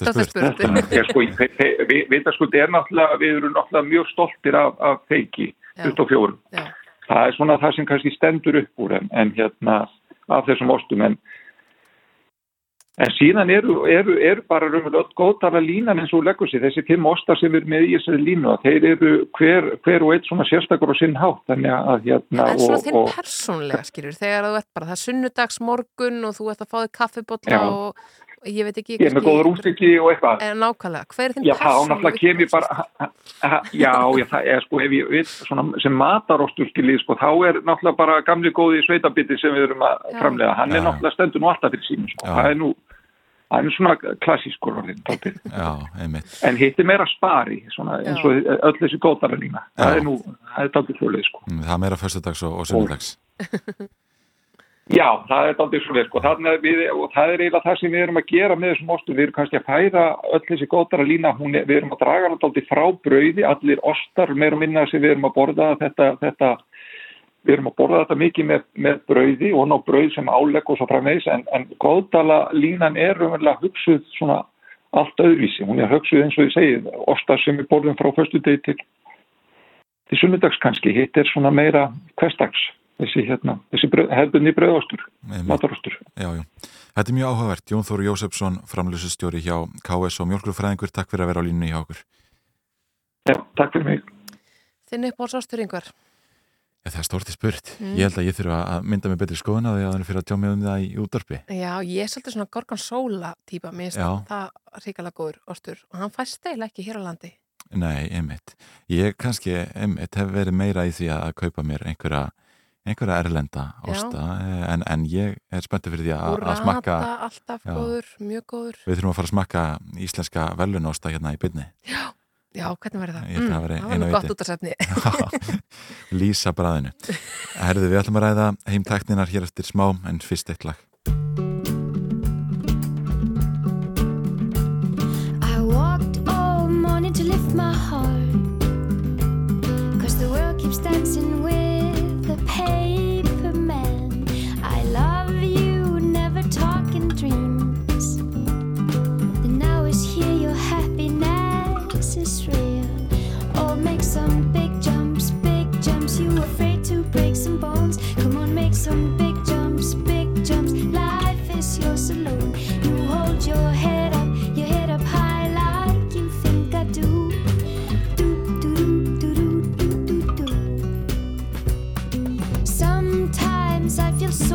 Confused. I'm under the illusion that I have to choose. I love you, always know the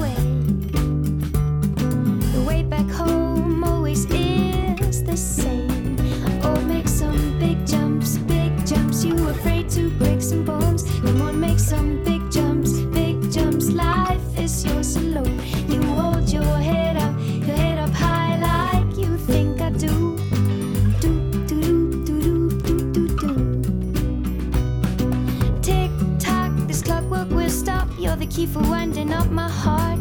Brick, brack, if you don't wind me up, the sky will lie upon me like a passed out drunk. Without you, I would never rise again. Without you, I would never rise.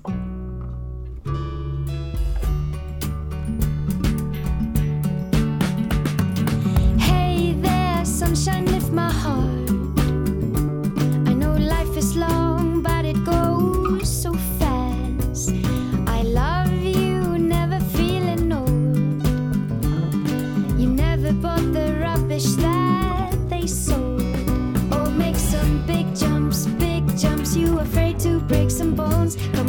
some big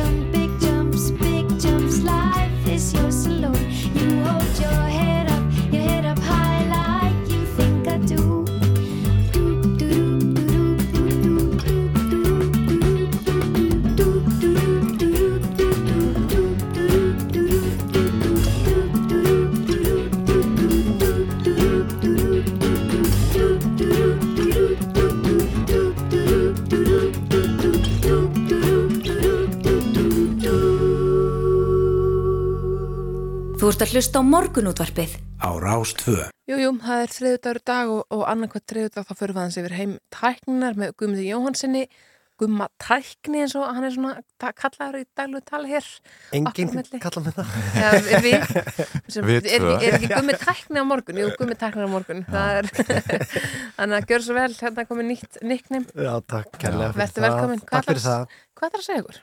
Erðu, við ætlum að tala um internetið. Já. Og Það ég- ótrúlegu tækni. Það ótrúlegu tækni. Ég hef nú svo sem oft talað um kannski internetið og svona og þá oft vitnaði hérna Tim Berners-Lee sem er maður sem fann upp veraldavefin og hérna hann hefur oft svona verið að tala um hvernig hlutinir hafa breyst síðasta áratugin og, og kannski til þess verra. Og ekki svona veraldavefurinn er ekki á þeim stað sem að hann hugsaði þegar hann setti þetta stað og þetta ætti að vera þessi hérna ótrúlega hafsjór fróðleiks og skemmtunar og mentunar og, og allt þetta og auðvitað hefur hann talað um hvernig hérna hattus orðræða og hérna falskar fréttur og allt þetta hefur svona ekki verið honum að skapi eðlilega en það sem hann hefur haft bestar á okkur af er hvernig netið er að lokast og það er ekki eins opið og það var Mm. bara eins og þegar maður hérna, sjálfur byrjaði að nota internetið upp, það ánáttúrulega bara að vera þannig að finnst manni og finnst honum sérstaklega að, að netið eigi að vera galopið og í raun og veru eigi hvaða tæki sem er með nettengingu að geta gert allt. Já, já. Eh, en þannig er það náttúrulega bara ekki. Og hann hefur svona verið að tala um að hvað sé skrítið að, að internetinu sé stjórnað í raun í dag af einhverjum hliðvörðum sem eru stærstu tæknifyrirtæki heims eh, en ekki bara við sem notendur og, og hérna við náttúrulega notum þjónustur eh, eða þjónustu stóru tæknifyrirtækina alla daga og þau gera allt sem þau geta alltaf að halda okkur í hlýjum faðmi sínum Já, já. og með öllum tiltækum ráðum og fólk, svona hinn almenni notandi og áttar sig ekki eins og ofta á því að hann notar þessa þjónustu og svo notar hann hinna en að báðar þjónustundur eru kannski eigu sama fyrirtækisins. Þetta er allt, allt orðið alveg ótrúlega svona uh, monotónist og eins einhvern veginn og, og, og bara stjórnað af fimm fyrirtækjum kannski en það eru breytingar í farvatninu og eins og margt annað sem að eh, einhvern veginn dúkar hér upp í þessu spjalli er það Evropasambandið sem ber ábyrð á því.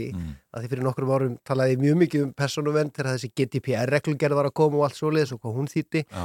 Eh, en nú er að koma þess að uh, regluverk um stafræna markaði og eftir einhvern, kannski, þannig komin svona einhver drög allavega en þau munur unnur bara breyta mjög miklu hvernig við notum og sjáum netið og alla þessa snjallvæðingu í dag. Og ástæðan fyrir því að þau eru að fara í þessa vegferð er að einfallega að ná tökum eða ná böndum á öllum þessum hliðvörðum þessum stóru, stóru teknifyrirtækjum og það verður bara skilgreint hvaða þýðir að verða vera hliðvörður og hvað, hvaða svona boks maður þarf að tikka í og þá telst maður samkvæmt lögunum vera hliðvörður og hvað þýðir það þá fyrir það fyrirtæki sem að er skilgreint sem hliðvörður? Og þá raunur þá bara svo ábyrg sett á þau fyrirtæki að þau verður bara að haga sér ákveðin hátt og vera ábyrg akkvært samfélaginu og akkvært markanum og þar með bara haga sér þessu öðruvísi þau gerir í dag og bara mjög mikið öðruvísi raun og veru. Og það þýðir svona ef maður síður þetta niður þá þýðir þetta það að í dag áttu iPhone síma þú getur bara notað App Store til að ná í hluti. Já. Og Apple rekur bara App Store með harðri hendi Apple tekur 30% af öllum sölum sem þar fara fram. Þú verður að nota greiðslugátt Apple þú mátt ekki nota neitt annað. Þannig að það er alls konar svona hlutir sem að maður átta sig ekki á. Þetta er allt, öll spilin er á sömu hendinni. Mhm. en með þessu þá í raun þyrft að breyta og opna á þetta að við megum nota aðra vestlun við megum nota aðra greiðslugátt. Og hvað þýðir þetta? Jú, þetta þýðir svo sem bara að við höfum meira val sem neytendur Apple segir að það gerir tækin okkar óurökari Já. en á sama tíma get ég nota hvaða App Store sem er í Apple 12 en Apple finnst það allt í lagi Mhm. en það er bara ekki í símanum af því að þau vilja bara stjórna því þannig. Eh, og að samanskap er þetta með að maður get ekki keift sumar áskriftir í appi sem maður næri, heldur þarf maður að fara fyrst að fara í Vavra, kaupa hana þar svo skrá síðan í appið.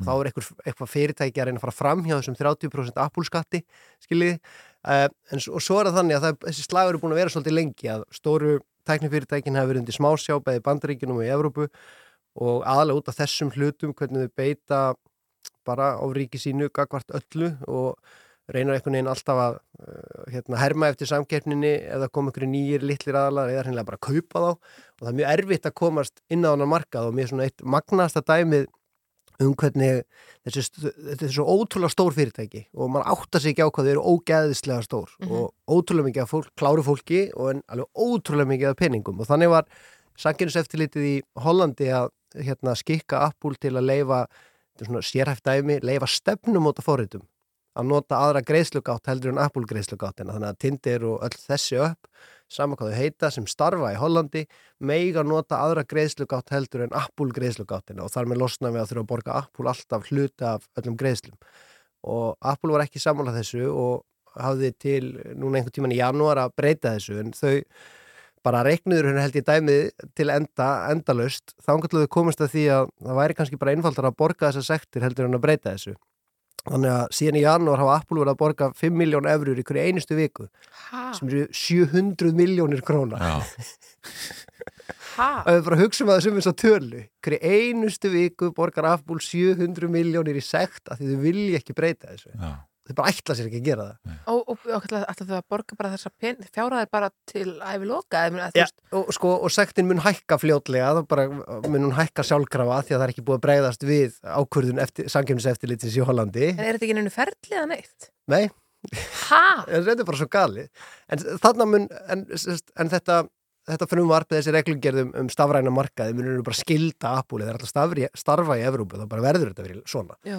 og það er sama, mína Suðukóri hefur gert það sama, verður nota aðra greiðslugátt og þetta svona, þetta er út um allt byrja svona að poppa upp að það sé verið að svona aðeins að reyna að hemja þessi stóru fyrirtæki og það er sama með Google og mann, svona, mann talar oft um Google reykur stærstu leitavili heimi en þau reyka líka aðra stærsta leitavili heimi sem er YouTube, að því fólk notar YouTube eins og leitavel Mhm. Og Google náttúrulega með svo Gmail, það með Android sem er stærsta snjálfsíma fyrirtæki heimi Google veit allt um okkur og Google getur notað þær upplýsingar í allar þjónustu sínar. Uh, með nýja regluverkinu gæti það verið þannig að, Google mætti ekki samnýta eða samkeira allar þessar upplýsingar um okkur á milli þjónusta. Þannig að það sem við gerum í vafranum og tölvuposti þarf Google Shopping þjónustan, vestlunarþjónustan ekki að vita. Þannig að þegar maður fyrir þangað inn á hún ekki að vita að við vorum að tala við makan okkar um jókamottur Nei. í tölvuposti skiljið, þú veist, það er allir þessir hlutir af því að þarna er komin bara er, er, þá Google komið með bæði náttúrulega nota ótrúlegt magna upplýsingum sem er svo sem í lægi innan gesalappa en, en aðrir aðalar á markaði eiga aldrei neitt sjens eða ekki með nýr aðli sem ætlar að reyna að vera klári því að hjálpa okkur að vesla á netinu hann hefur ekkit uh, aðgang að þessum upplýsingum. Mhm. og þannig að Google mætti ekki gera þetta. Og það er sama með Amazon sem er mjög risastórt fyrirtæki, þetta stærsta vefðslun í heimi og stærsta skíjaþjónustegi heimi. En hérna Amazon er með svona hjá sér sem heitir Amazon Basics í vefðslununni sinni og er að selja alls konar svona einfaldar vörur getur verið bara klósettpappir upp í hlæðslubanka, upp í snúrur eða hvað sem er. Og Amazon hafa verið mjög grimm í að nýta allar þær upplýsingar sem þau hafa úr sinni vefðslun og þau sjá bara, herðu, hérna er þetta fyrirtæki í bara Danmörku að selja vandaðar HDMI snúrur og það er bara rók seljast já, við ætlum bara að kópera þessar snúrur og gera alveg eins og selja þær ódýrari undir okkar nafni. Mm. og, og þar með bara sko rekja þetta litla fyrirtæki sem var kannski bara í Danmörku að búa til snúrur af markaðnum. Já. Þetta hafðu gert trekk í trekk í trekk og, og hérna, en vonandi með þessum breytingum og þá svona ætti leikullurinn að jafnast út og þessi stóru, risastóru fyrirtæki kannski læra það að þau verður bara að vera meira næs.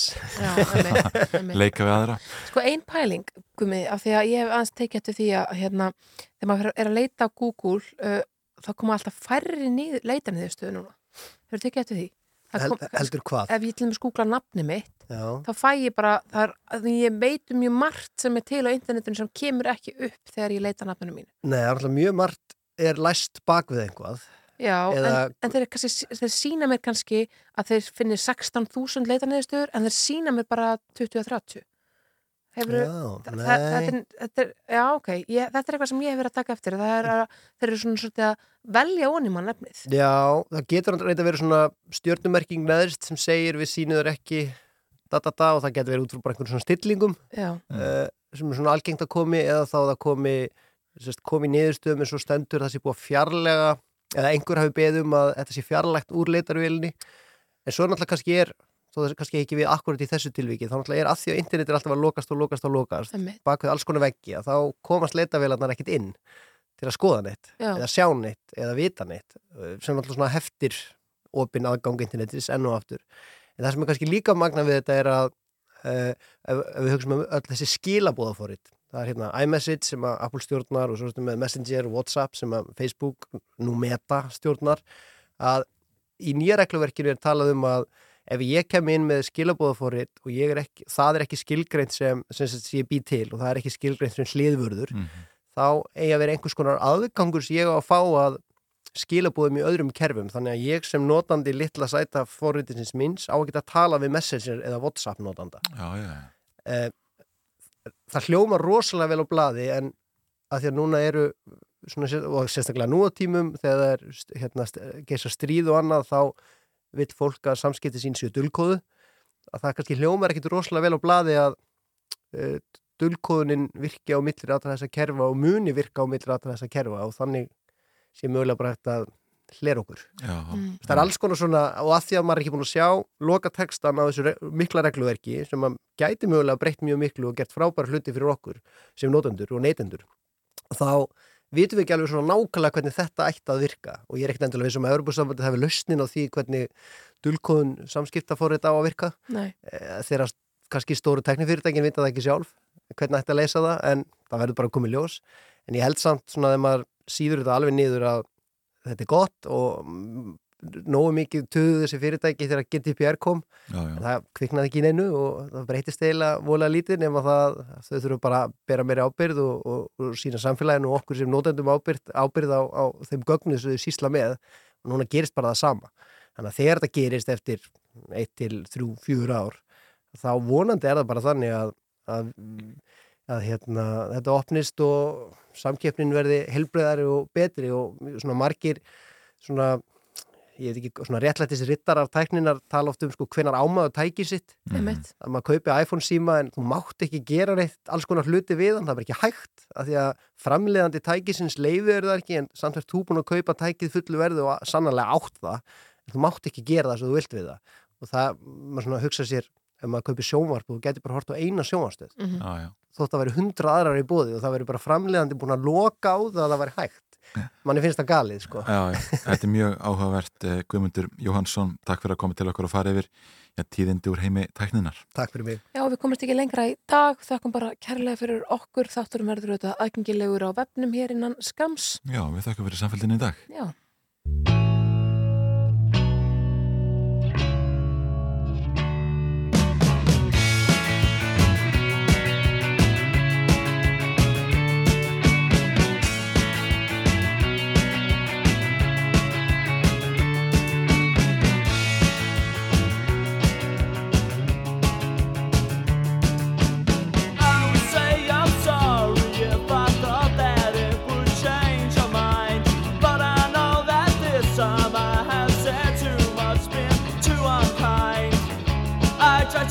love about